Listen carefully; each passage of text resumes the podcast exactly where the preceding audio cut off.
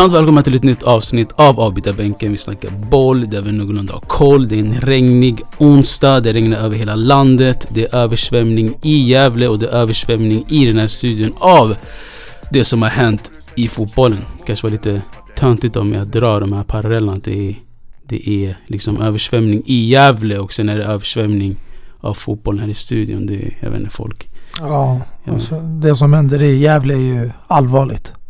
Det är väl allvarligt här också. Kanske när jag driver.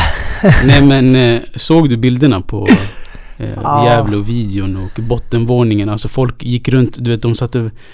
ehm, hade liksom, eh, vad heter det? Plastpåsar på fötterna. Mm, För att ja, gå runt i, i hemmet. Alltså bilarna är ju helt neddränkta. Mm. Eh, de är många bilar som inte ens går att köra. För att, du vet, när det regnar är det en sak men när en bil blir neddränkt i vattnen, hela elektroniken rasar. Mm. Alltså. Så det är bilar som flyter också till och med. Mm.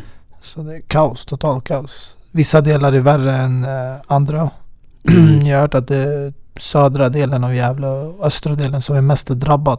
Mm, exakt. Nej alltså det är kaos i hela, i hela världen bror. Det, är- det har varit översvämningar i Tyskland det, det, och sen utöver regn så är det kaos i Grekland, Turkiet, Bränderna. Mm. bränderna. Mm. Eh, och sen, ja, Naturkatastrofer helt enkelt. mm, exakt. Och sen det som händer i Afghanistan också. Om man ska nämna liksom det som händer i hela, hela världen också. Mm. Fast också- där har vi... Det är ett kaos på ett annat sätt. Ja, Inte- naturkatastrof kan vi inte klandra någon än oss själva. För att det är vi som orsakar det med utsläppen. Enligt... Eh, Alltså Eh. naturkatastrof är naturkatastrof ändå. Det heter naturkatastrof av den anledningen. ja exakt, det är det jag tänkte. Alltså, det, det som hände i Afghanistan. Där finns det någon man kan klandra. Det är någon som står skyldig där. På den sidan. Mm. Ja, ja. Skitsamma. Eh, vi kanske ska ta an oss det här kaoset eh, i fotbollsvärlden i alla fall. Och eh, vi djupdyker. Kanske bokstavligen.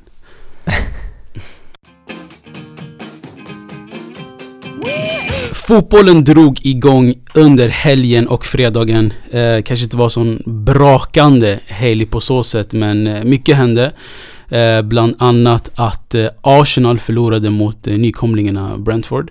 Eh, och eh, jag vet inte, stack det mer ut från den helgen? Jag, eh, för mig så satt i näthinnan att eh, jag, var, jag var imponerad över hur Barca spelade mot eh, Real Sociedad som slutade femma förra eh, eh, säsongen.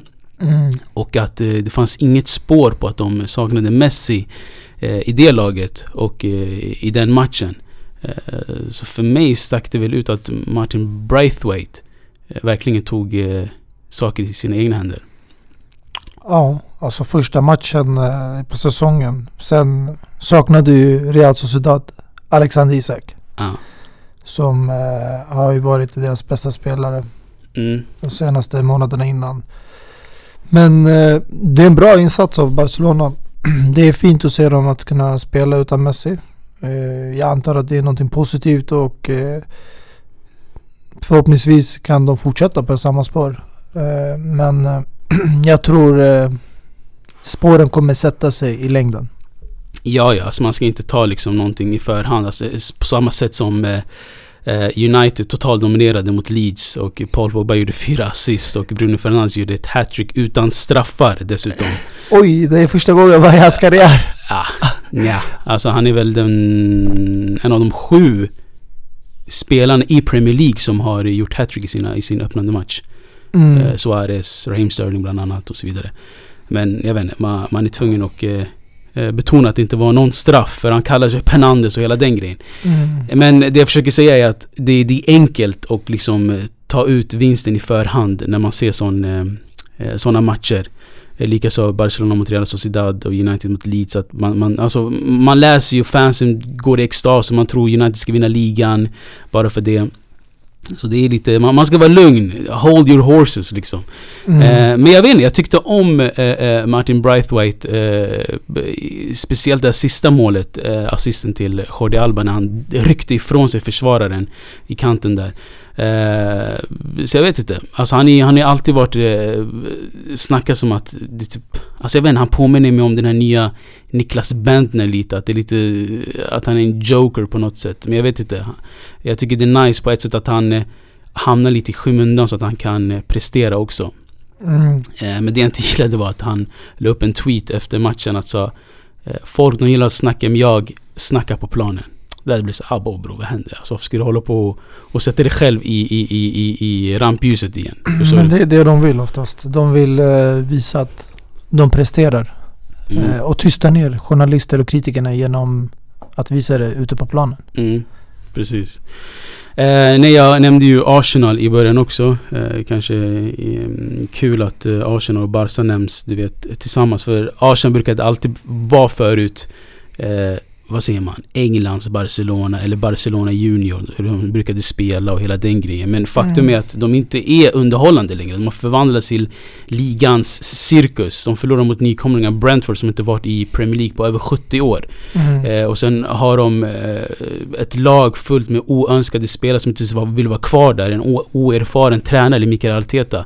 Jag vet att det alltid går hårt i Arsenal i, i, i den här podden men Alltså herregud. Det är, alltså de är på väg någonstans Alltså de är på väg till ingenstans jättesnabbt. Om du förstår vad jag menar. Ja, alltså det är ganska hårt med tanke på att eh, Hårt eller ärligt? Nej men eh, Arsenal har inte eh, Nu ska man inte säga att de har tillgång. De har ju tillgång till resurser och sånt. Men de har inte utnyttjat sina resurser på samma sätt som andra topplagen i England. Om man jämför hur United City och även Chelsea Liverpool hur de har spenderat. eh, De kommer inte ens upp till den nivån. Alltså nu gör de ju några enstaka värvningar då och då. Som Ben White nyligen. Tidigare har man värvat eh, Aubameyang, Lacazette. Men det är vid enstaka tillfällen. Det är inte där man har ett transferfönster där man hämtar in tre, fyra stjärnspelare på en gång Mm. och kan bygga ett lag runt omkring dem. Men de hämtar, känns det som, en pusselbit varje år och det tar för lång tid.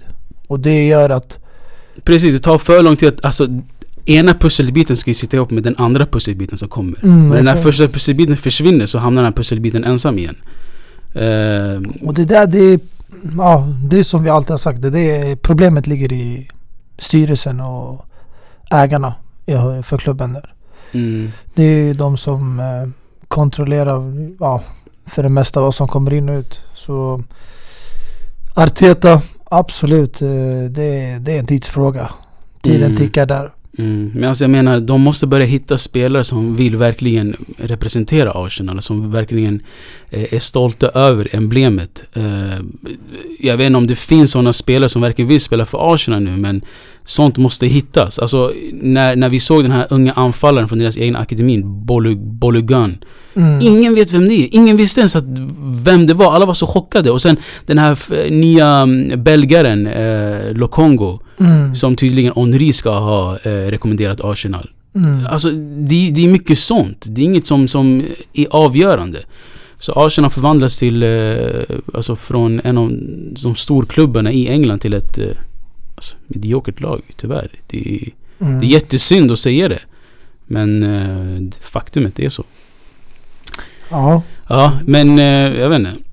Vi, vi, vi, och sen så möter de och sen så möter de Chelsea nu på söndag också.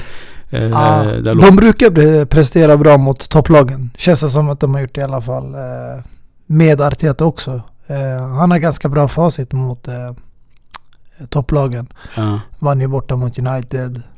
Eh, på Old Trafford. mm, Eh, vann ju mot Chelsea. Eh, ja, så han har tror jag vunnit också mot City eller Liverpool. Så det, det mm. man ska inte ta dem för givet bara för att de inleder svagt. Det är trots allt ändå Arsenal. Mm, jag vet inte, men mycket säger om, om olika starter också. Eh, hur som helst, det har spelats en, en del annan fotboll också. Eh, jag gillar att vi hoppar mellan Spanien och England, Spanien och England. Mm. Eh, vilket vi gjorde förra avsnittet där vi tog liksom Spanien och England tillsammans också. Vi kommer återkomma till Italien också, alla Serie A-älskare där ute. Eh, där vi verkligen vi kickstartar Serie A och den börjar nu i helgen. Men Real Madrid tog väl också en, en bra seger, kanske, inte kanske lika bra motståndare som Barca mötte i form av Sociedad, de mötte Deportivo Alaves. Men också en övertygande vinst där Hazard, såg du Hazards assist förresten? Den här Mm. Fifa-klacken till eh, Benzema. Eh, så där börjar väl också saker och ting sätta sig på plats. Eh, men ehm, vad tänkte jag på? Jo, förut handlade det ju om att det fanns liksom huvudroller i varje lag. Alltså man såg, man såg fram emot en klassiker mellan Messi och Ronaldo. Eh, och sen kanske Benzema tog över den eh, och så vidare. Men nu har väl huvudrollerna försvunnit helt och hållet och nu handlar det om bara att lagen ska prestera och att lagen ska visa att vi, vi är storlag. Man ska spela för klubblaget. Det finns ingen spelare som sticker ut längre. Nej, alltså det, alltså det finns ju alltid vissa spelare som sticker ut men eh, om man tänker eran innan Messi och Ronaldo. Det var ju ungefär samma sak. Alltså de hade ju bra spelare men det var ingen som stack ut individuellt. Som var mycket, Ronaldinho. mycket bättre än alla andra. Jo, Ronaldinho, det är sant men Och sen Real Madrid hade Galacticos. ja, som sagt, där var det ett lag fyllt med stjärnor. Och Mm. det är liknande Då som var det nu. flera som stack ut, kanske inte en. Nu har du alltså, du, om, om folk presterar på toppnivå, då har Karim Benzema, du har ju fortfarande mittfältet, Modric, Toni Kroos, du har Hazard, du har Alaba nu som kommit in från uh, Bayern München. Och eh, ja, Courtois, så jag tycker de har stjärnspelare på många positioner. Däremot Barca, det, är, det ser knackigt ut. Alltså det, är, det är inte hållbart tror jag. Men eh, vi får se hur, eh, hur det ser ut framöver. Jag är nyfiken på vad som händer med de här resterande spelarna som de har eh, i truppen. Eh, Osman Dembele och Coutinho som inte man har fått höra så mycket om. Mm. Känns som att man har bara, du vet, fryst ner dem. Sist man hörde var att Coutinho skulle till eh, Arsenal och Aubameyang skulle mot eh, motsatta Mm. håll till Barcelona. Och sen senast hörde jag att Coutinho ska ta över nummer 10 Så det är mycket som florerar hela tiden kring Coutinho.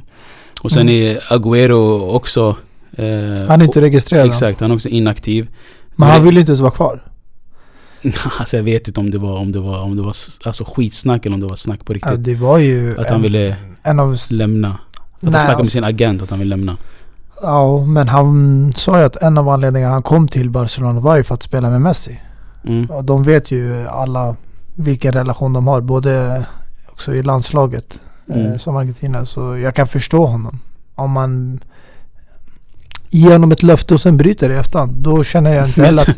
men du snackar som att det stod in, alltså ingick i hans kontrakt. Du kommer få spela med Messi, att det var en klausul. Alltså han får väl skylla sig själv på ett sätt också. Fotbollen, alltså sånt här händer i fotbollen. Speciellt när han kommer till en tid eh, i Barcelona, när det ser ut så här att Messi, alltså folk var ju osäkra på att han skulle stanna förra året. Och nu, Mm. let alone det här året, att han lämnar. Alltså, Men det var sen, 50-50. ja, men sen under säsongens gång så blev de mer övertygade.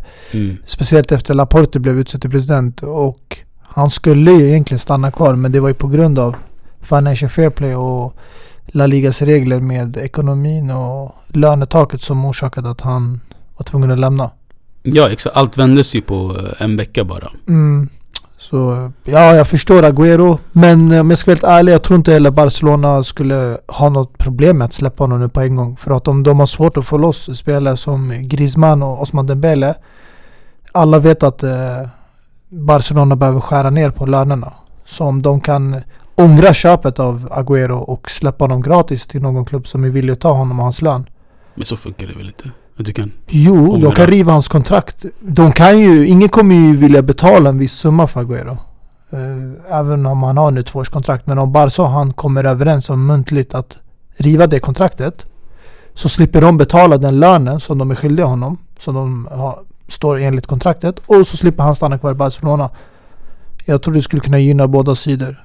Men sen är det deras beslut ifall de känner att de kan offra Agüero istället för Griezmann, Dembele eller någon annan Coutinho som sitter också på en stor lön. Mm. Alltså jag vet inte, jag är positivt överraskad över Barcas inledning och att Eh, de ändå mm, kan spela som ett lag och eh, Depay är där och, och hela den grejen. Så det är mycket kvar för Barcelona att visa sig också. Det, jag vet inte, ibland vet, det brukar vara så att okej, nu, nu mår alla lag bättre med Messi och alla lag mår bättre av en stor spelare i sitt lag. Men ibland kan det vara den här effekten vet, när man tappar en stor spelare och stjärnan i laget. att det, är, det är aktiv, aktiveras, att, att alla spelar för att motbevisa folk att det var bara liksom en spelare av elva möjliga som gjorde det här möjligt att Barca var så här bra. Så jag tror Mm. varenda spelare vill visa liksom, jag är en fotbollsspelare också. Jag, jag vill och kan vinna matcher för Barcelona. Mm. Så jag, jag, jag håller med, det kommer bli intressant att följa den här resan. Men utöver det, det var, den största matchen eh, i helgen var väl eh, City-Tottenham ändå. Eh, även om den matchen inte eh, liksom levererade på så sätt som jag ville att det skulle göra med i form av jag vet inte, underhållningen på ett sätt. Eh, City förlorade mot eh, Team Harry Kane som Pep Guardiola länge har kallat för Tottenham. Att de bara liksom är Harry Kane. Men sen så förlorade de laget utan Harry Kane. Mot Team Son istället. Ja, exakt. Och det roliga, Son alltså är så jävla... Det snackas det tillräckligt om Heung-Min Son. Nej. Eh, alltså om, om, om Grealish kostar 100 miljoner ska inte han kosta dubbla. Om han var engelsman skulle han kosta dubbla. Jag vet inte men det snackas allt för lite om Heung-Min Son som avgjorde matchen mot, eh, eh, mot City. Mm. Eh, och sen är det följetong på Harry Kane ifall han ska lämna eller inte. Senast jag läste att han inte är med i truppen idag för eh, Europa League Conference League-kvalet. Mm. Han missade också matchen. Han var inte registrerad alls mot eh, City Mm. av personliga skäl. Eh, nu vet man inte. Det tränaren eh, säger själv att han vill behålla honom. Mm. Men så som det låter från journalistikerna så känns det som att Harry Kane vill lämna. Så det är bara frågan om ja, de kan komma överens om en summa. För jag tror inte Tottenham kommer släppa billigt alltså. Det är, det är som du säger. Det, det är summor som är väldigt orimliga idag. Mm, mm, definitivt. Eh, och sen alltså, jag vet inte, jag tycker också på ett sätt, de har en ny tränare, Nuno Espirito Santo. Mm. Eh, och om han får inleda den här säsongen utan eh, en, en, liksom, en stjärna och en spelare som han inte har spelat med. Då vet han inte vad, hur det känns att ha Harry Kane. Förstår Mm. du? Att han kan liksom kretsa spelet kring Heung-Min Son direkt. Men jag tror inte de kommer stanna där. Alltså om de tappar en anfallare som Harry så kommer de gå ut direkt i marknaden och försöka hitta någon lämplig ersättare i alla fall som kan inte kanske fylla i hans skor men åtminstone lätta lite på bördan från Heung-Min Son. Och vem är det då? Lautaro Martinez eller? Nej, jag tror inte den spelaren är tillgänglig. Eh, inte efter försäljning av Lukaku. Så där Mm. tror jag inte Inter kommer sälja till vilket pris som helst. Men eh, det, det finns eh, alternativ att välja mellan. Eh, Duvan Zapata har ryktats bort från eh, Atalanta. Eh, Inter har också varit efter honom. Så jag tror det skulle kunna vara ett bra köp för Tottenham. Att ersätta Harry Kane med Duvan Zapata. Exempelvis där. Mm. Så det finns alternativ ute i marknaden.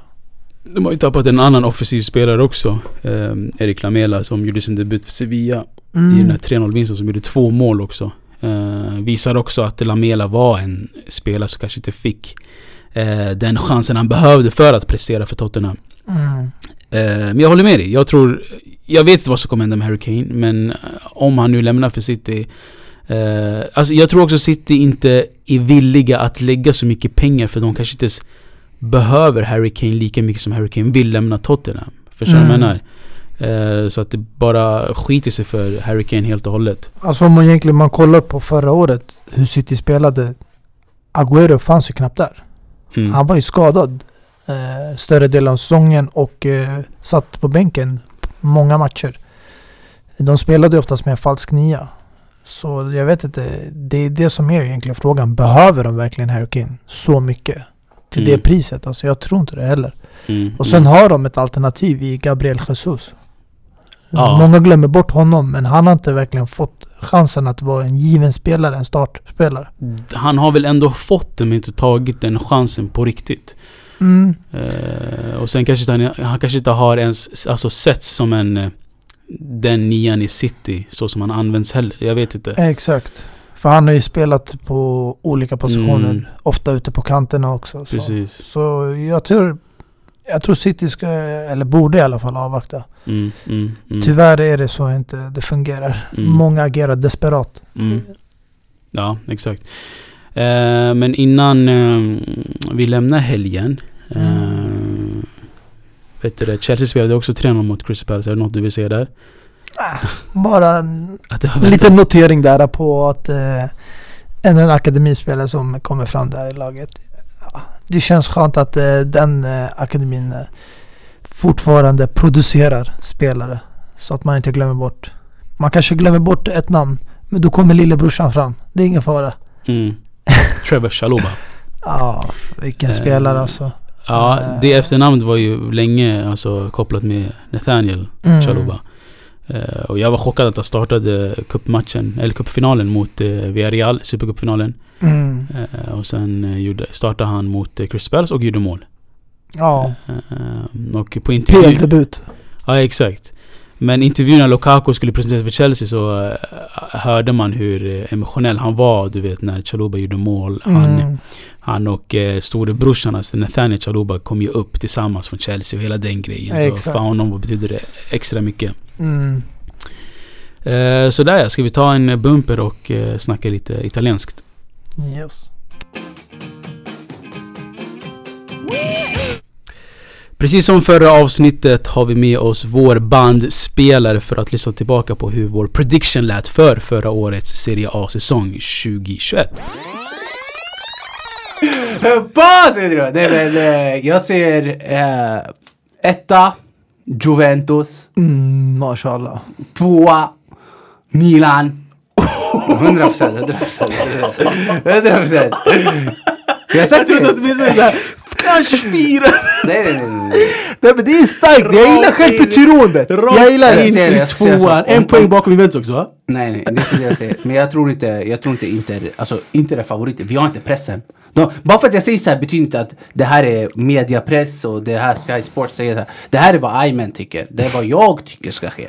Vad jag tror ska ske. Men som du säger, det är helt... Tycker inte vad och tror är två helt olika. ja, ja, men vad jag tror, exakt. Men det kan vara unreasonable för andra. Men det här är vad jag tror. Okej, okej, jag tror fortsätt, hjärtat. fortsätt. Jag Juve, tror Milan. Juventus kommer etta. Ja. Jag tror Milan kommer tvåa. Mm. Inter kommer trea. Mm. Atalanta fyra. Jag tror på Juventus etta. Men mm, Inter, alltså någon måste tro Nej, Inter. jag tror inte kommer tvåa. Mm. Uh, trea Lazio och fyra... Alltså, det är mellan... Ja, Atalanta eller Rom. Ja, Atalanta. Fyra Atalanta. Jag kommer säga etta, jag tror Inter. För att Mm. Inter har den Oh. mest rutinerade tränaren. Även om inte han kanske har de bästa spelarna. Han är ändå mycket bättre spelare än alla andra lag förutom Juventus. Truppmässigt. Du, Och han är en bättre tränare. Han har coachat Pirlo. Alltså Pirlo, han har ett bra lag till sitt eh, befogande. Men alltså jag vet ingenting om honom. Jag kan inte förvänta mig att han ska vinna ligan bara för att han är Cristiano Ronaldo. Nummer två Juventus. Jag tror ändå Juventus, även om de har Pirlo som är ny Mm. tränare. Jag tror ändå de har tillräckligt bra lag för att komma andra plats. Tredje plats. Ja, jag tror det blir Atalanta. Jag tror de är tillräckligt bra för att ta trean. Och sen jag tror fjärde kommer bli Milan. Min broder! Jag tror att Milan av alla andra lag som jag kollar runt omkring Lazio. Om jag kollar på Roma, Napoli och Milan. Jag tycker Milan är de mest stabila och starkaste laget just nu av dem. Om något så nailade du eh, vinnarna att Inter skulle ta hem det. Eh, Mm. Jag trodde på Juventus och sen eh, man kan ju höra mig liksom asgarva åt när Aymen trodde att Milan skulle komma tvåa. Jag, trodde, jag, jag lämnade ju Milan utanför topp fyran så Mm. jag fick ju käka upp mina ord. Fick ju käka upp den lasagnen. Ja, alltså jag känner ändå efter förra årets värvningar och spelarna och tränarna som fanns i alla klubbar så var det klart att det inte skulle vinna det. Eh, Det var de som var favoriter för mig. Eh, Jag visste att Juventus skulle ha det jobbigt med Pirlo och eh, det såg vi den säsongen. Det är därför han inte är kvar. Mm. Och Milan, jag kände också att de skulle vara där uppe och nosa och ta en Champions League-plats. Exakt. Däremot, jag trodde inte de skulle göra så här bra ifrån sig. Det gick lite bättre än förväntat, men ja. De andra platserna, det var ju för mig mellan eh, Atalanta och eh, Napoli. Mm, Eh, och där var det Atalanta ännu en gång för tredje året i rad precis. som tar Champions League-plats. Exakt. Alltså tabellen var ju superjämn också. Inter sprang iväg lite, fick 91. Sen Milan 79, Atalanta 78 och Juventus 78. Eh, Så det var ju superjämnt mellan tvåan och fyran. Ja, ja, eh, alltså årets säsong då, de eh, Serie A kickstartar nu, nu i helgen. Eh, vad tycker du allmänt om Mercaton eh, i Serie A? Eh, Inter har ju tappat mycket, eh, Mm. logiskt nog, efter hela den här Alltså skulden de de, befinner sig i, kinesiska företaget och hela den grejen. Ja, tyvärr är det så. Det, det, det känns som att eh, hela Italien har tappat den där stabiliteten. Eh, Roma har ekonomiska problem. Eh, Milan bytte ägare till kinesiska ägare och sen till en amerikansk ägare. Inter bytte först till en indisk ägare och sen en kinesisk ägare. Det, det känns som att de har svårt att hitta en bra grund. Och eh, klubben, eller klubbarna, alla de här då säljs ju vidare från en ägare till en annan och ingen verkar hitta den här strukturen och kunna bygga vidare på det man har haft tidigare i historien. Eh, inte i alla fall någonting som är hållbart. Så eh, jag tror Serie A helhet alltså det, det är lite som Arsenal när du beskrev Arsenals situation. Fast den markeringen sätter jag faktiskt på hela ligan. Det är att lite... det finns oönskade spelare och att det är... Ja, och det kommer pusselbitar men inte ihop. Utan de kommer vid enstaka tillfällen under en lång period. Och det gör att ligan hinner inte återhämta sig eller bygga upp sig och bli lika alltså, mäktiga ute i Europa så som La Liga, Spanien har varit under ett tag. Så som England är just nu. Mm, Så som Tyskland är vid vissa tillfällen. I Tyskland man får inte glömma bort att det, det finns inte lika många topplag där eh, som Bayern München. Eh, förutom kanske Dortmund och Leipzig som ibland är där bakom och nosar. Mm, mm. Men jag tror det här året Serie A, det enda laget som jag ser som har förstärkt det är Juventus egentligen. Om vi ska kolla på spelare och tränare. Förstärkt? Hur? Alltså med tränare, ja. De har en ny gammal tränare i Allegri, Ja, men... exakt. Och sen har de ju behållit alla sina spelare. De har inte tappat någon nyckelspelare. Kollar du på Inter, de har tappat Lukaku och Hakimi. Du kollar på Milan, de har tappat Donnarumma och eh, Chalanoglu. Du kollar på alltså Napoli, ny tränare i Spalletti. Lazio, ny tränare i Sarri. Mm. Roma, ny tränare i Mourinho. Alla de här har gjort stora förändringar. För mig, Allegri, ny tränare i Juventus, är ingen förändring. Det är någonting som är Alltså, Alltså, om, den alltså, är, det, det är en känd faktor bland alla. om något så är det ju svårare att komma in som en, eh, som en ny gammal tränare till ett storlag som Juventus än att komma som en ny tränare. För du vet alltså allt som du är van vid är inte där längre. Allt, alltså, ska du, ska du bygga upp hela laget från början eller ska du ta fram, damma av dina gamla anteckningsblock och fortsätta som, som ingenting Mm. har hänt? Alltså erfarenheten finns ju där. Och det är att han har erfarenheten av att coacha Juventus, klubben, hans relation till kanske ägaren och sportdirektören. Så det är det som hjälper honom mycket i att eh, fortsätta nu eh, bygga vidare på det nya Juventus. Och sen har du en hel del spelare som finns fortfarande kvar. Eh, som Allegri hade. Det var inte så länge sedan han var där. Det, är bara, det har gått bort två år emellan. Mm, 2019 till 2019 var han där. Exakt. Och det, du har haft Sarri ett år och Pirlo ett år. Så du har ju ändå Bonucci kvar, Chiellini kvar. Eh, du har Alex Sandro kvar. Eh, jag tror även Allegri hade möjligheten att coacha Morata under hans första period i Juventus.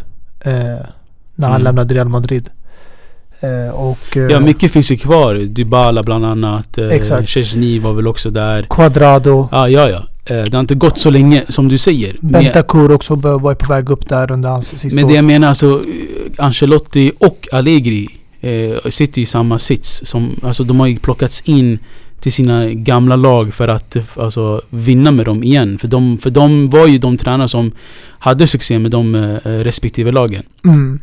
Eh, Så det kommer bli intressant att se hur Allegri kommer göra. Det är det jag menar. Om han kommer gå tillbaka till sitt gamla spel. Om man försöker hitta något spel med Cristiano Ronaldo. eh, Om man nu stannar. Det vet vi inte. Men Ancelotti, alltså Ancelottis sits är ju mycket annorlunda. Med tanke på att det är inte bara två års avbrott. Det är flera års avbrott och sen har han varit i flera klubbar under den här perioden också. Bayern München, Napoli, Everton. Så jag tror eh, Allegris eh, sits eh, är mycket mer bekvämare och vänligare än Ancelotti. Eh, Mm. Så jag tror Juventus som favoriter. Jag kommer sätta dem som en rak etta. Så det är ingen snack om saken. Mm, vi, kan ju, vi kan komma tillbaka till vår prediction eh, alldeles strax. Men jag menar, eh, regerande mästarna Inter eh, har förstärkt med eh, Dzeko bland annat. Förstärkt. Man har kompenserat eh, Alltså. positionerna Lukaku och Ashraf Hakimi med Dzeko och eh, Dumfries. Exakt, Denzel Dumfries. Men det jag, försöker, det jag försöker säga med förstärkt med Dzeko, det står jag också fortfarande bakom och, eh, eh, eh, det ordet förstärkt, är att Dzeko ändå är en erfaren spelare i Serie A. Mm. Har väl spelat i Roma i 5-6 år kanske nu. Mm. har gjort över 200 mål. Eh, så det är en, jag skulle säga det är en förstärkning för, för Inter. Eh, det bästa de kan hitta just nu i det läget de befinner sig i. Eh, en ersättare till Lukaku, jag vet inte men jag skulle ändå säga att det är en förstärkning i, i, i det offensiva. I form Mm. av eh, Edin Dzeko. Sen Dumfries är en eh, Alltså klippt och skuren för Inter i den positionen, den wingbacken. Vi såg ju Dumfries i EM hur, hur, hur eh, effektiv han var. Hur han Mm. sprang genom den korridoren. Alltså det, det, det är vad de kan hitta eh, som replacement för Hakimi. Ja, men det är inte egentligen de bästa alternativen. Anledningen varför vi ser de här köpen det är på grund av den ekonomiska situa- situationen. Och det Mm. var hela det som var den anledningen till varför man började med en försäljning av Hakimi. För att balansera ekonomin. Och nu när man försöker hitta lösningar som inte ska skada och påverka klubben ekonomiskt. Då kollar man på spelare som Dzeko eller Dumfries. Annars hade du med glädje gått ut och jagat andra spelare som du vet kan ge dig mycket mer på de positionerna. Alltså jag skulle ändå säga att Dumfries är perfekt värvning av Inter. Alltså jag tror han kommer lyckas som in i helvete. Ja, alltså att han kan lyckas det är inget, alltså snacka om det. Han sitter ju på kvalitet och så men som toppklubb har du precis vunnit ligan och vill fortsätta att vinna och försvara den titeln. Mm. Då vill du ha en spelare som är minst lika bra som den du har släppt. Och då vill du oftast ha en redan klar spelare som är av världsklassnivå. Dumfries kanske är lite mer åt en På väg Jag skulle att inte kanske säga bli en världsklasspelare kanske. Ja, jag skulle inte kunna säga en oslipad diamant. För att han kan, räknas inte i de kategorierna av diamanter. Han kanske är en oslipad guldbit. kanske till och med en silverbit. Men eh, definitivt, alltså allting kan ju bli stort. Alltså det... Han kanske chockerar hela världen och du vet, Ja. mm, överraskar alla eh, med sina prestationer. Eh, men eh, allting hänger ju på också tränaren. Hur han hanterar också pressen i en ny liga, ett nytt lag. Eh, Eh, Inter? Ja, för Dumfries då alltså. Jaha, ja, exakt. Dumfries, ja. Men eh, som du sa, Dzeko är ju redan erfaren rutinerad. Men jag tror inte de stannar där. Jag känner att det kommer komma in en till förstärkning i anfallet. En mer yngre, hungrig anfallare. Det har ju snackats som jag nämnde tidigare, mycket Duvan Zapata. Eh, jag känner Ja. att eh, i deras eh, sits så kunde man ha förhandlat till sig i dealen med Lukaku och Tammy Abraham. Men där gick de miste om den. Ja, den där, den där triangeldramat mellan Dzeko, Lukaku och eh, Tammy Abraham. Eh, nej, innan innan vi, vi, vi snackade om eh, Abraham, eh, Roma och eh, Mourinho. Eh, vad tänkte jag på? Ah, Vad fan vad jag tänkte på? Simone Inzaghi. Nej. Simone Inzaghi? Mm. Ah, nej, nej, nej, nej, nej, nej. Jag tror så först Simone... Diego Simone. Jag bara, va? Eh, nej, skitsamma. Jag kanske kommer på det sen. Men okej, du, du tog upp eh, Abraham och eh, att de kanske gick miste om Mm. honom som en anfallare. Gick istället till eh, Mm. Roma och eh, Mourinho för 40 mille. Jag vet inte, alltså är det... Är det den anfallaren som Roma kommer dra nytta av? Mourinho han, säger, han säger att han känner Abraham väldigt väl. Även om han inte har tränat Abraham. Han var ju i, i sin andra vända i Chelsea var Mourinho där 2013 mellan, mellan 13 och 15. Mellan eh, 2013 till eh, 15. 2015 ja. Men, Exakt. eh, det Abraham var väl typ 16 år då, spelade i ungdomslaget kanske. Eh, Ja, ja. Alltså han känner ju Abraham definitivt från akademin när han var där. Under andra sessionen. Eh, De spelade ju där ungdoms... De vann ju FA Youth Cup och de var ju ganska ja, mm heta under den tiden. Det ungdomslaget. Så han känner ju de flesta.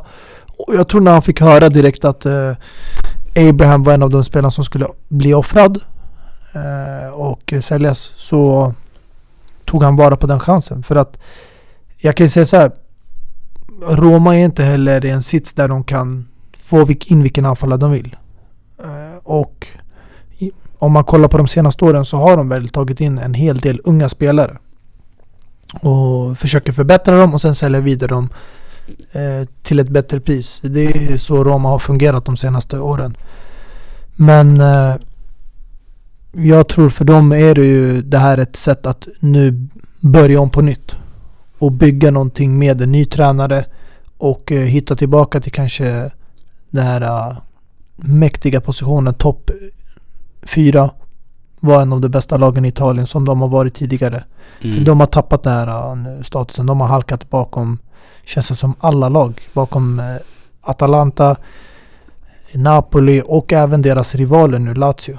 Mm. Alltså jag skulle ändå påstå att Italien, alltså till skillnad från La Liga är, och till skillnad från Bundesliga, är det här laget som, är den här ligan som har så pass många storlag ändå. Alltså pass många alltså lag som räknas som storlag. Mm. Eh, precis som England.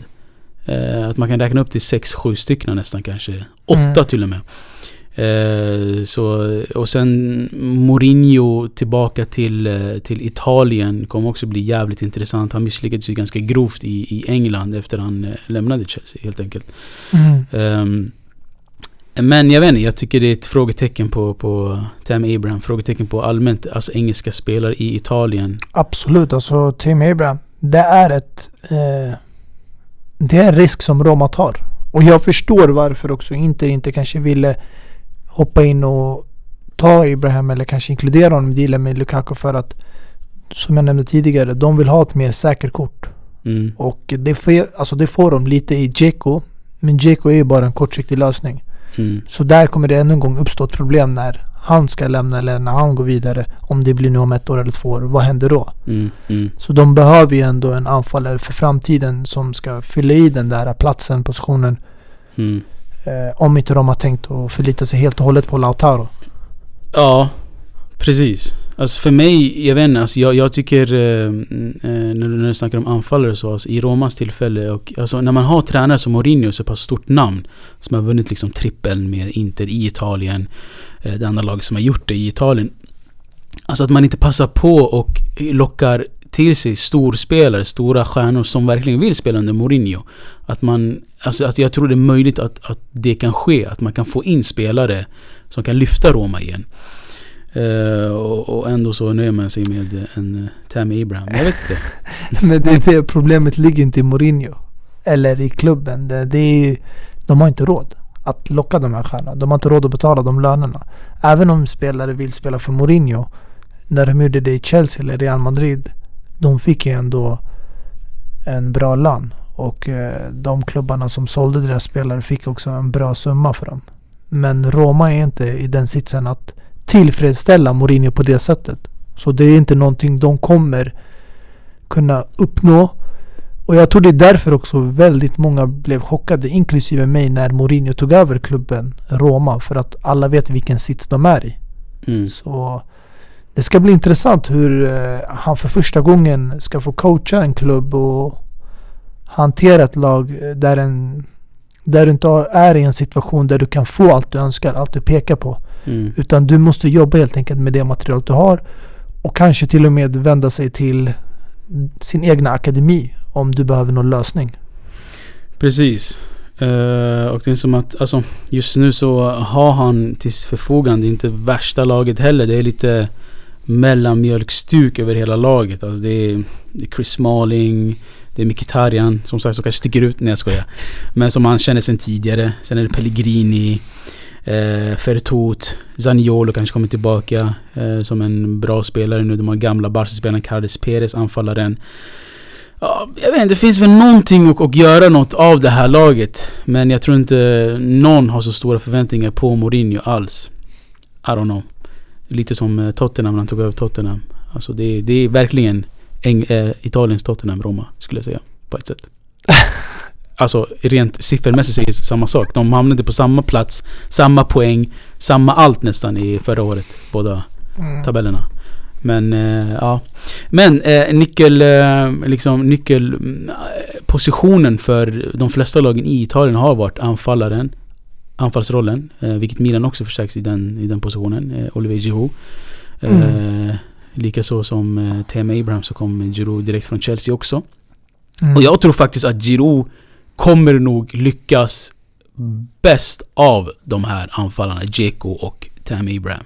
Skulle jag säga. Där kan jag tyvärr inte säga emot dig faktiskt.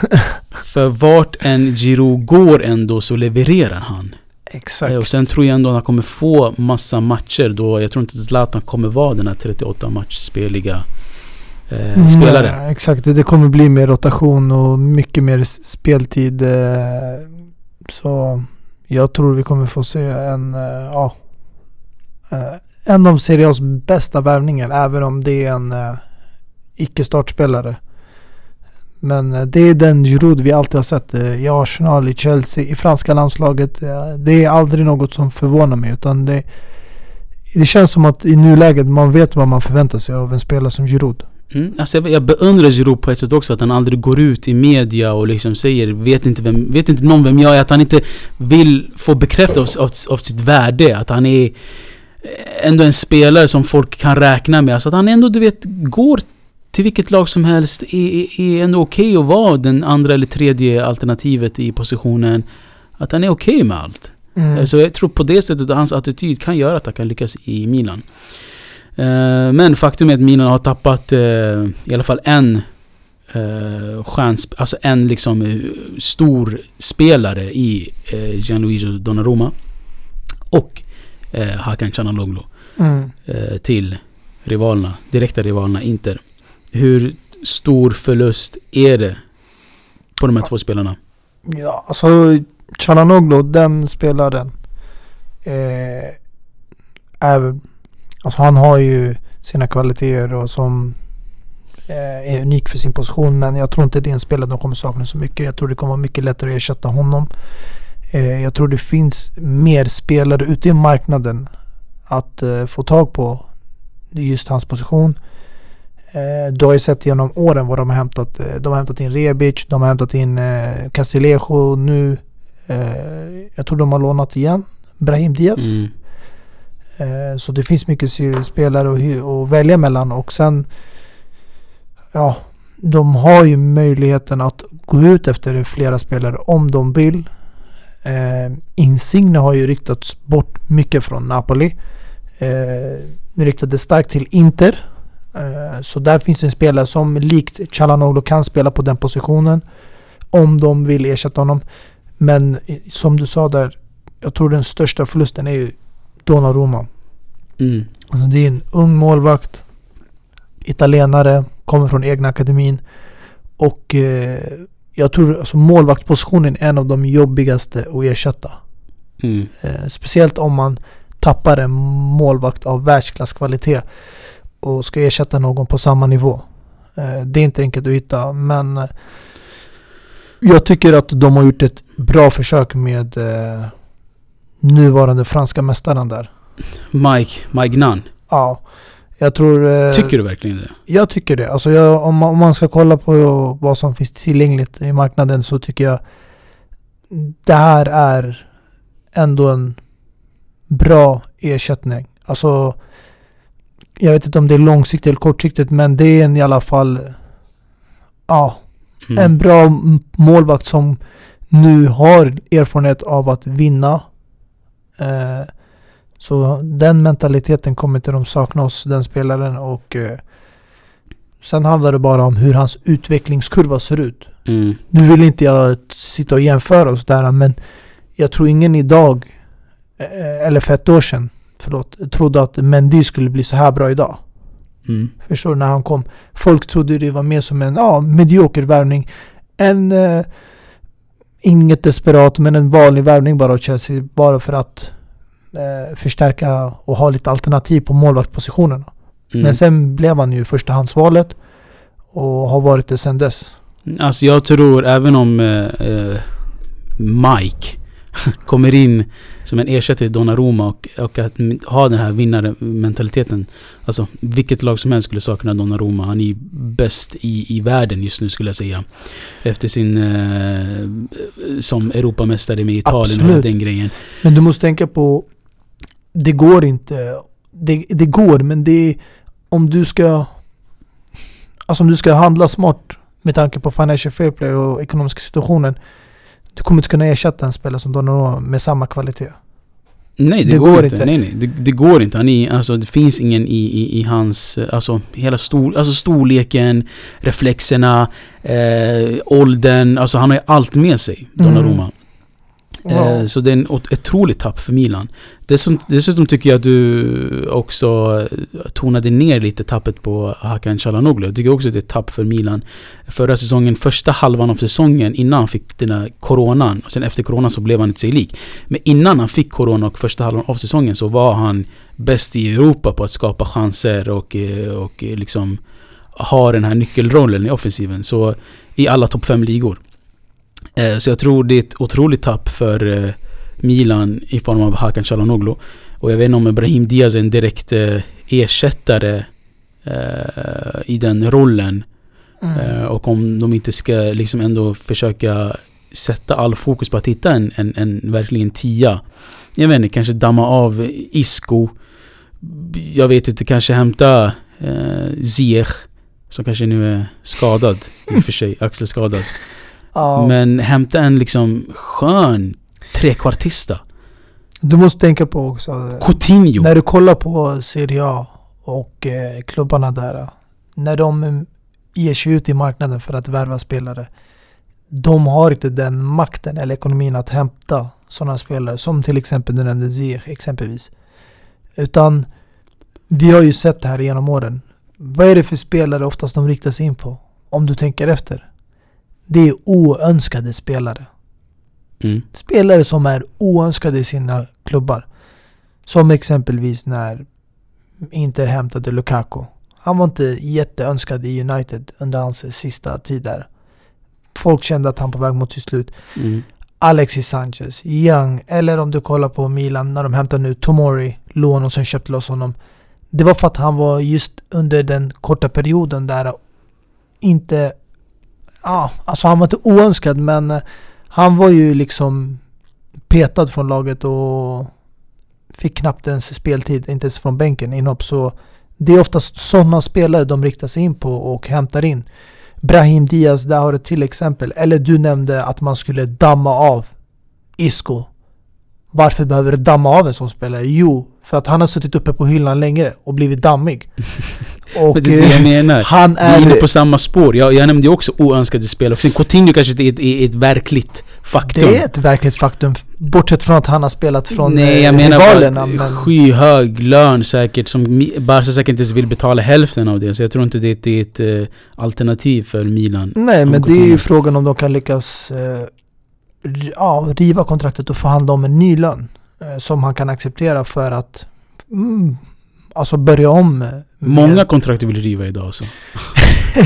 Ja, men det är det. Alltså, alltså helt ärligt. I slutändan, vi vet att alla spelare är olika. men en spelare kommer visa sin sanna natur. Om den verkligen prioriterar fotbollen, speltid och den älskar det. Eller om den kommer prioritera pengarna. Och prioriterar du fotbollen, du kommer gå ner i lön, skära ner och kanske inte kräva din eh, gamla klubb på att de ska betala halva lönen. Mm. Så det är upp till spelaren egentligen. För det är i slutändan bara spelaren som förlorar på det. Om man ska sitta och älta på det och sen sitta och vara utfryst i ett lag och spela i reservlaget bara för att tjäna in sina eh, miljoner varje månad. Mm. Men eh, ja, jag, som sagt jag tror Milan med Calhanoglu situationen den kommer inte kännas av lika mycket som Donnarumma just för att det finns flera spelare och eh, hitta i den positionen. Eh, er, marknaden erbjuder mycket mer och eh, jag tror också man kan justera också hur laget spelar. Eh, uppställning, spelsystem, eh, ja, formation och så. För att kanske inte sakna spelare så mycket. Mm. Och det är det till exempel, eh, jag, ja, Eh, alltså det finns ju vissa tränare som gör så, men som till exempel, jag tänkte på eh, Allegri situation, men det var i Juventus innan eh, Pirlo Sarri. Mm.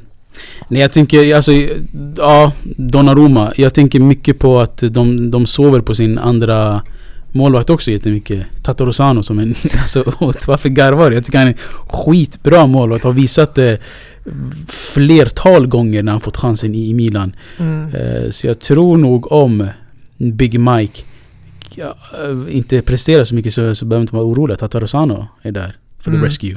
Rumänen. Ja. Eh, ja. Och sen är det massa dagar kvar till fönstret stängs ändå. Eh, mer än 10 dagar.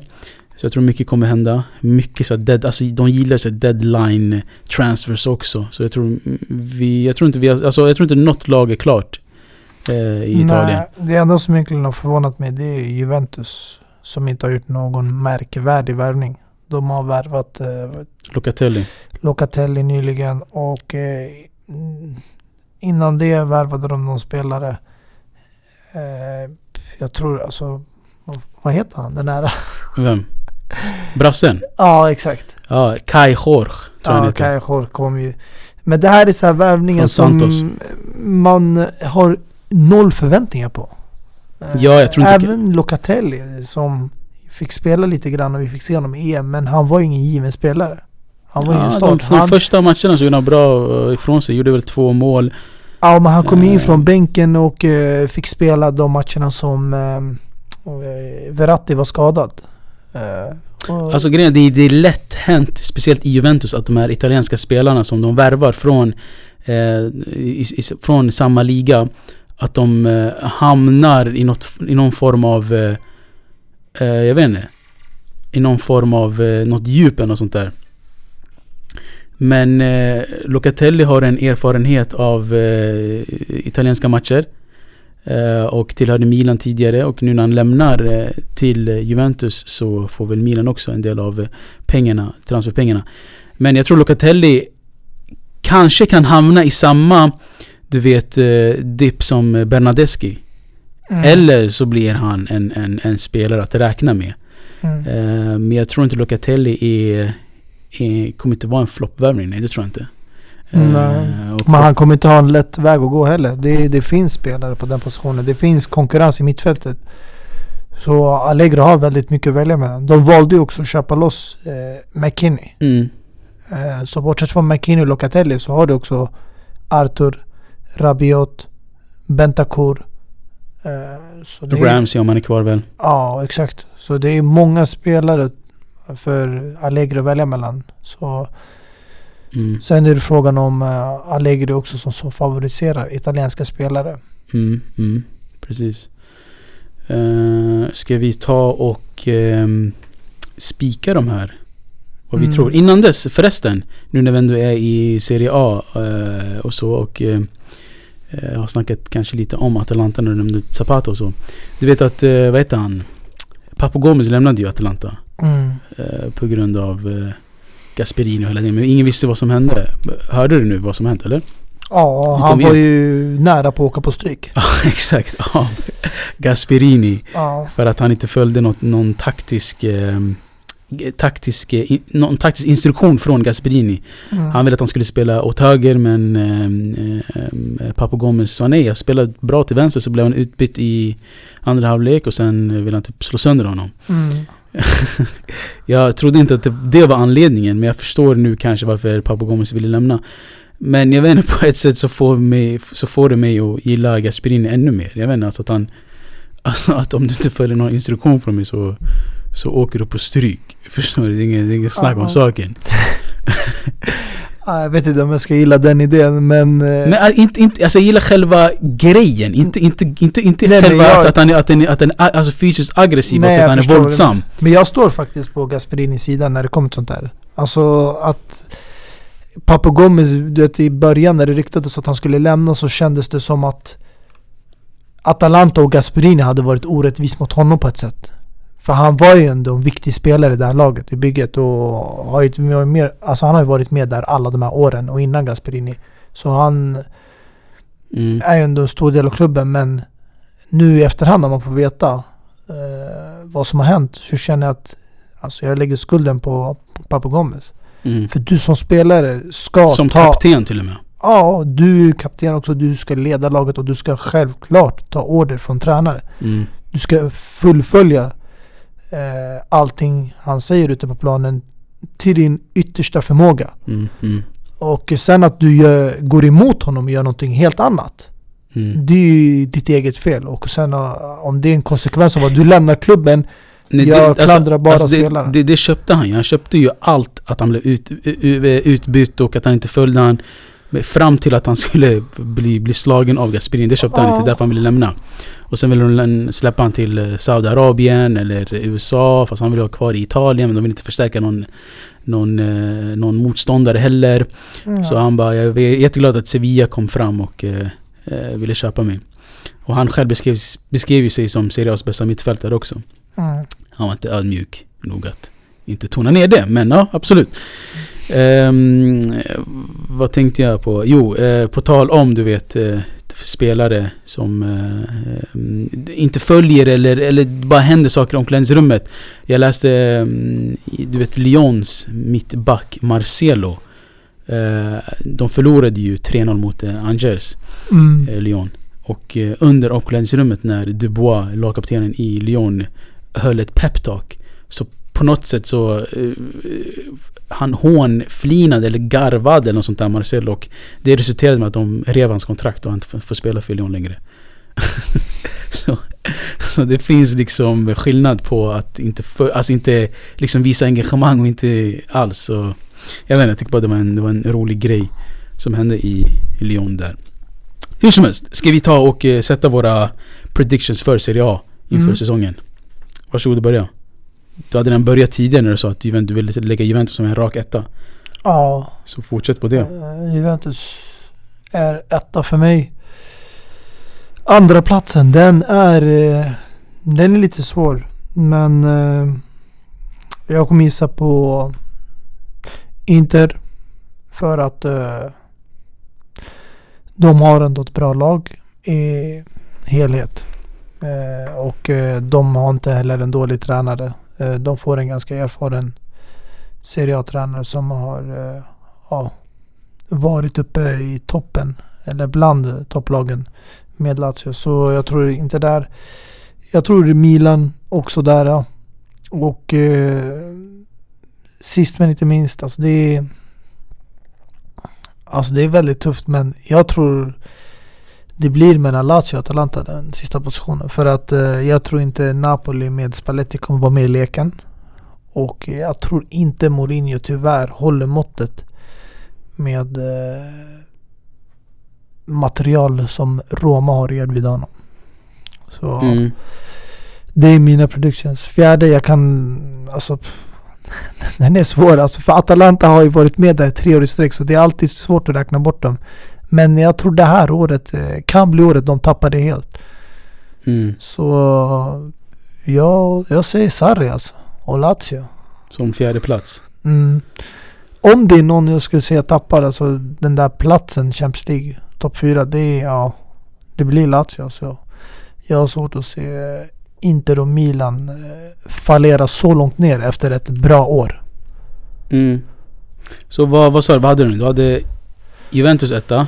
Ja, alltså jag skulle kunna sätta Milan som två också faktiskt. Okej, så kan du bara säga din eh, slutliga prediction då? 1 till 4. Juventus, Milan, Inter, Lazio. Okej. Interesting. Alltså jag vet inte, något i mig vill lägga chockerande nog Milan som etta. eh, eh, Jag kan förstå att du tänker så. för jag tänker ändå... Fikayo Tomori. Nej, absolut inte. Fikayo Tomori som en avgörande roll för Milan. Nej. Jag vet inte, jag tänker mer att du vet, de har behållit tränaren. Eh, Zlatan är där. Fortfarande kanske vill du vet sätta spiken i kistan innan han lämnar. Jag vet mycket talar ändå för Milan. Eh, men om jag ska vara logisk så är det Juventus som etta. Så jag brottas lite med det. Eh, men vet du vad? Jag kommer nog jag kommer nog bara, bara skrälla och säga Milan etta. Två Juventus. Trea Atalanta. och fyra Inter. Egentligen vill jag sätta Inter mycket högre, för jag tänker Inzaghi är en erfaren tränare i Serie A. Sen Mm. får han ett bättre lag också. Alltså han har presterat bra med Lazio. Tänk dig nu att han får ett bättre lag och bättre resurser. Att han kan liksom kliva ännu längre upp i tabellen än han brukade vara. Mm. Men jag tror jag, jag kör så ändå alltså.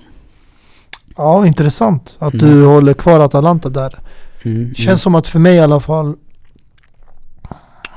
De har gjort det bra tre senaste åren men efter ett tag nu spelarna kommer tröttna för att de är alltid där och kämpar om Champions League-platserna men de är aldrig där och kämpar för titeln. Eller för titlar om man säger så. Så jag tror efter en lång period, det blir som Tottenham. Eh, sakta men säkert får du inte något resultat eller om du inte lyckas åstadkomma någonting stort med klubben genom att vinna titlar så blir det antingen att klubben rasar ner eller så börjar spelarna med sakta säkert lämna och gå vidare i karriären till andra toppklubbar som kan Mm. erbjuda dem ja, mer helt enkelt. Mm. Precis. Nej, det ska bli intressant som alltid att lyssna på det här eh, eh, nästa år. Inshallah. Men en fråga, intressant fråga till dig måste jag säga. Ja. Jag vill ställa den här då. Vad tycker du om de här köpen eh, som man har gjort från Chelsea? De här senaste åren här. Alltså, Alltså- de här, nu, snack, nu snackar vi om de här, för att vi, du pratade så mycket om det förut tidigare att eh, engelska spelare inte lämnar England och Premier League, har svårt att lyckas i andra ligor, andra länder. Mm. Och nu om du kollar bara de här senaste två åren så har du eh, Jeremy, vad heter han? Jeremy Boga Mm. i Sassuolo. Som riktades mycket till Napoli, eh, Lazio som ville köpa honom. Du har Fikayo Tomori, Milan, eh, nu Tammy Abraham i Roma. Vad, vad, vad säger det här oss? De här värvningarna, de här spelarna som ändå lyckas bra i de här klubbarna. Nu har inte Tammy Abraham hunnit representera Roma men vi har Mm. redan hunnit se vad Jeremy Boga och Fikayo Tomori har gjort. Mm. Nej, alltså, jag, eh, alltså ingen, ingen kan säga något emot att det är en otrolig akademi Chelsea har. Och att det är många spelare som, som lyckas. Sen såg jag en siffra på att Chelsea i princip värvade Lukaku gratis för att de sålde av så många spelare. Eh, du vet Tammy Abraham, Fikayo Tomori, sen var det någon spelare till Crystal Mark Palace. Gray. Exakt, så alla de här eh, försäljningarna gjorde, kom upp till någon 90 mille. Ja, ja, alltså den där summan är ju redan passerat. Ja exakt, så på ett sätt, alltså Chelsea eh, har en otrolig akademi som sagt. Mm. Och, eh, d- och spelarna som lämnar Chelsea lyckas ju vart de än de går. Sen får man inte heller blunda för att det finns spelare som lämnar Chelsea som inte lyckas heller. Mm. Eh, så den, den siffran är också mörklagd. Så att säga. Ja, alltså tyvärr, alla kan ju inte lyckas. Eh, Nej? annars hade man haft obegränsat antal platser i truppen. Så Men- det kommer alltid finnas de som lyckas. Det är det jag menar. Så det, det, det är naturligt att man, man lyfter fram spelarna som lyckas. Mm. Sen finns det väl säkert... Men jag tänkte just med på den här delen att nu de lämnar England. Mm, Förut vågade inte de. Det var ju oftast att man gick till Championship, till Premier League-klubbar när man Mm. eh, blev utlånad eller såld. Men nu har ju många börjat gå till, alltså bland annat Serie A, Italien. mm. Men de vågar också lämna England och gå till andra länder. Och gör det ändå bra ifrån sig där borta. Ja exakt, på de här senare åren bara de har gjort det. Typ eh, Trippier gick ju till Atletico Madrid och vann ligan med dem. Exakt. Eh, vi har sett att Chris Smalling har lyckats ganska bra i Roma. Mm. Så Jag tycker Gareth Bale ändå är värd att nämna. En spelare som lämnade Definitivt. och gjorde det bra i Spanien. Definitivt. Eh, men ja, du sa engelsmän. Men brittiska spelare absolut om Gareth Bale ska nämnas där. Exakt, ja. Men jag tror exakt, jag tror bara att de är... Alltså det blir, det blir överfullt i England till slut. Alltså det blir belastat, överbelastat. Att spelarna måste lämna eh, eh, sina egna klubbar för att lyckas någon annanstans. Om man Och vill vad är slutsatsen då? Att det blir överbelastat? Mm. Vad är slutsatsen? Att det blir överbelastat på ett ställe? Att de flyr till andra ligor. Och det innebär att det finns för många bra spelare på ett och samma ställe. Det finns vissa platser som bara producerar otroligt många bra spelare. Att det inte finns plats för alla. Att man blir tvungen att skeppa iväg några här och där. Ja, men det är inte bara Chelsea som, som eh, har... Mm, Den här inte bara akademin. men... eh, det, det, det är intressant i alla fall. Jag tycker... jag ser jättefram emot alltså, just de här spelarna som nu går till Italien Serie A. För att det är också nyfiken på hur de kan prestera i ett annat land. Mm. Eh, Ja, ja. kommer vara jätteintressant. Förut brukade det alltid vara att du vet när man kollade på de här um, landslagen när de, eh, när de skulle spela EM eller VM att Mm. alla spelare från England kom från England. Mm. Eh, och sen i Italien, Spanien så var det lite olika. Men att just England hade fläckfritt bara från England. Men nu kommer det inte vara så. Mm. Eh, nej, jag tycker det är, det är intressant. Det är kul att man får se engelska spelare ute, utanför sin egna, egna liga. På ett sätt. Ja, eh, det var det. Eh, vi har en del matcher att se fram emot i, i helgen. Bland annat London-derbyt som jag nämnde på söndag. Barca möter Atletico Bilbao. Eh, och sen eh, så får väl vi äntligen se PSG med Messi och Neymar kanske Mm. tillsammans. Eh, vi har inte snackat så mycket om PSG, vi har snackat mycket om, om Messi och så. Men hur kul kommer det inte vara att se Mbappé, Neymar, Messi så småningom tillsammans i samma lag? Och, Ja, och Donnarumma är- som eh, vaktar buren. Exakt, alltså det är ju sjukt, sjukt bra lag. Redan innan alla de här värvningarna så har de mycket kvalitet där. Eh, vi såg ju det förra året. Eh, de kom till Champions League eh, semifinal. Året innan det var de i finalen. Och nu har man plockat isär två spelare från två av Serie A's bästa lag. Mm. Inter Milan där man tagit Donnarumma Hakimi och hijackade Coman och Barca på Wijnaldum. Som alla förväntade skulle få spela med eh, Depay och Frank de Jong. Mm. Det skulle bli lite av det holländska landslaget där borta men eh, så var inte tanken. Det sjuka är att jag läste någonting roligt. det såg så här. Uh, Wijnaldum eh, was leaving Liverpool to Barcelona to play with Messi. Mm. But uh, he chose, people said he chose money instead. Mm. Now he got money and to play with Messi. Exakt. Så han fick lönen, pengarna som han ville ha och han får spela med Messi i PSG. Det är Ja, helt sjukt. Det är en riktiga vinnare. Ja, Alltså det är rikt- kontrast mot Agüero. Rakt av. Ja. ja, det är sjukt alltså.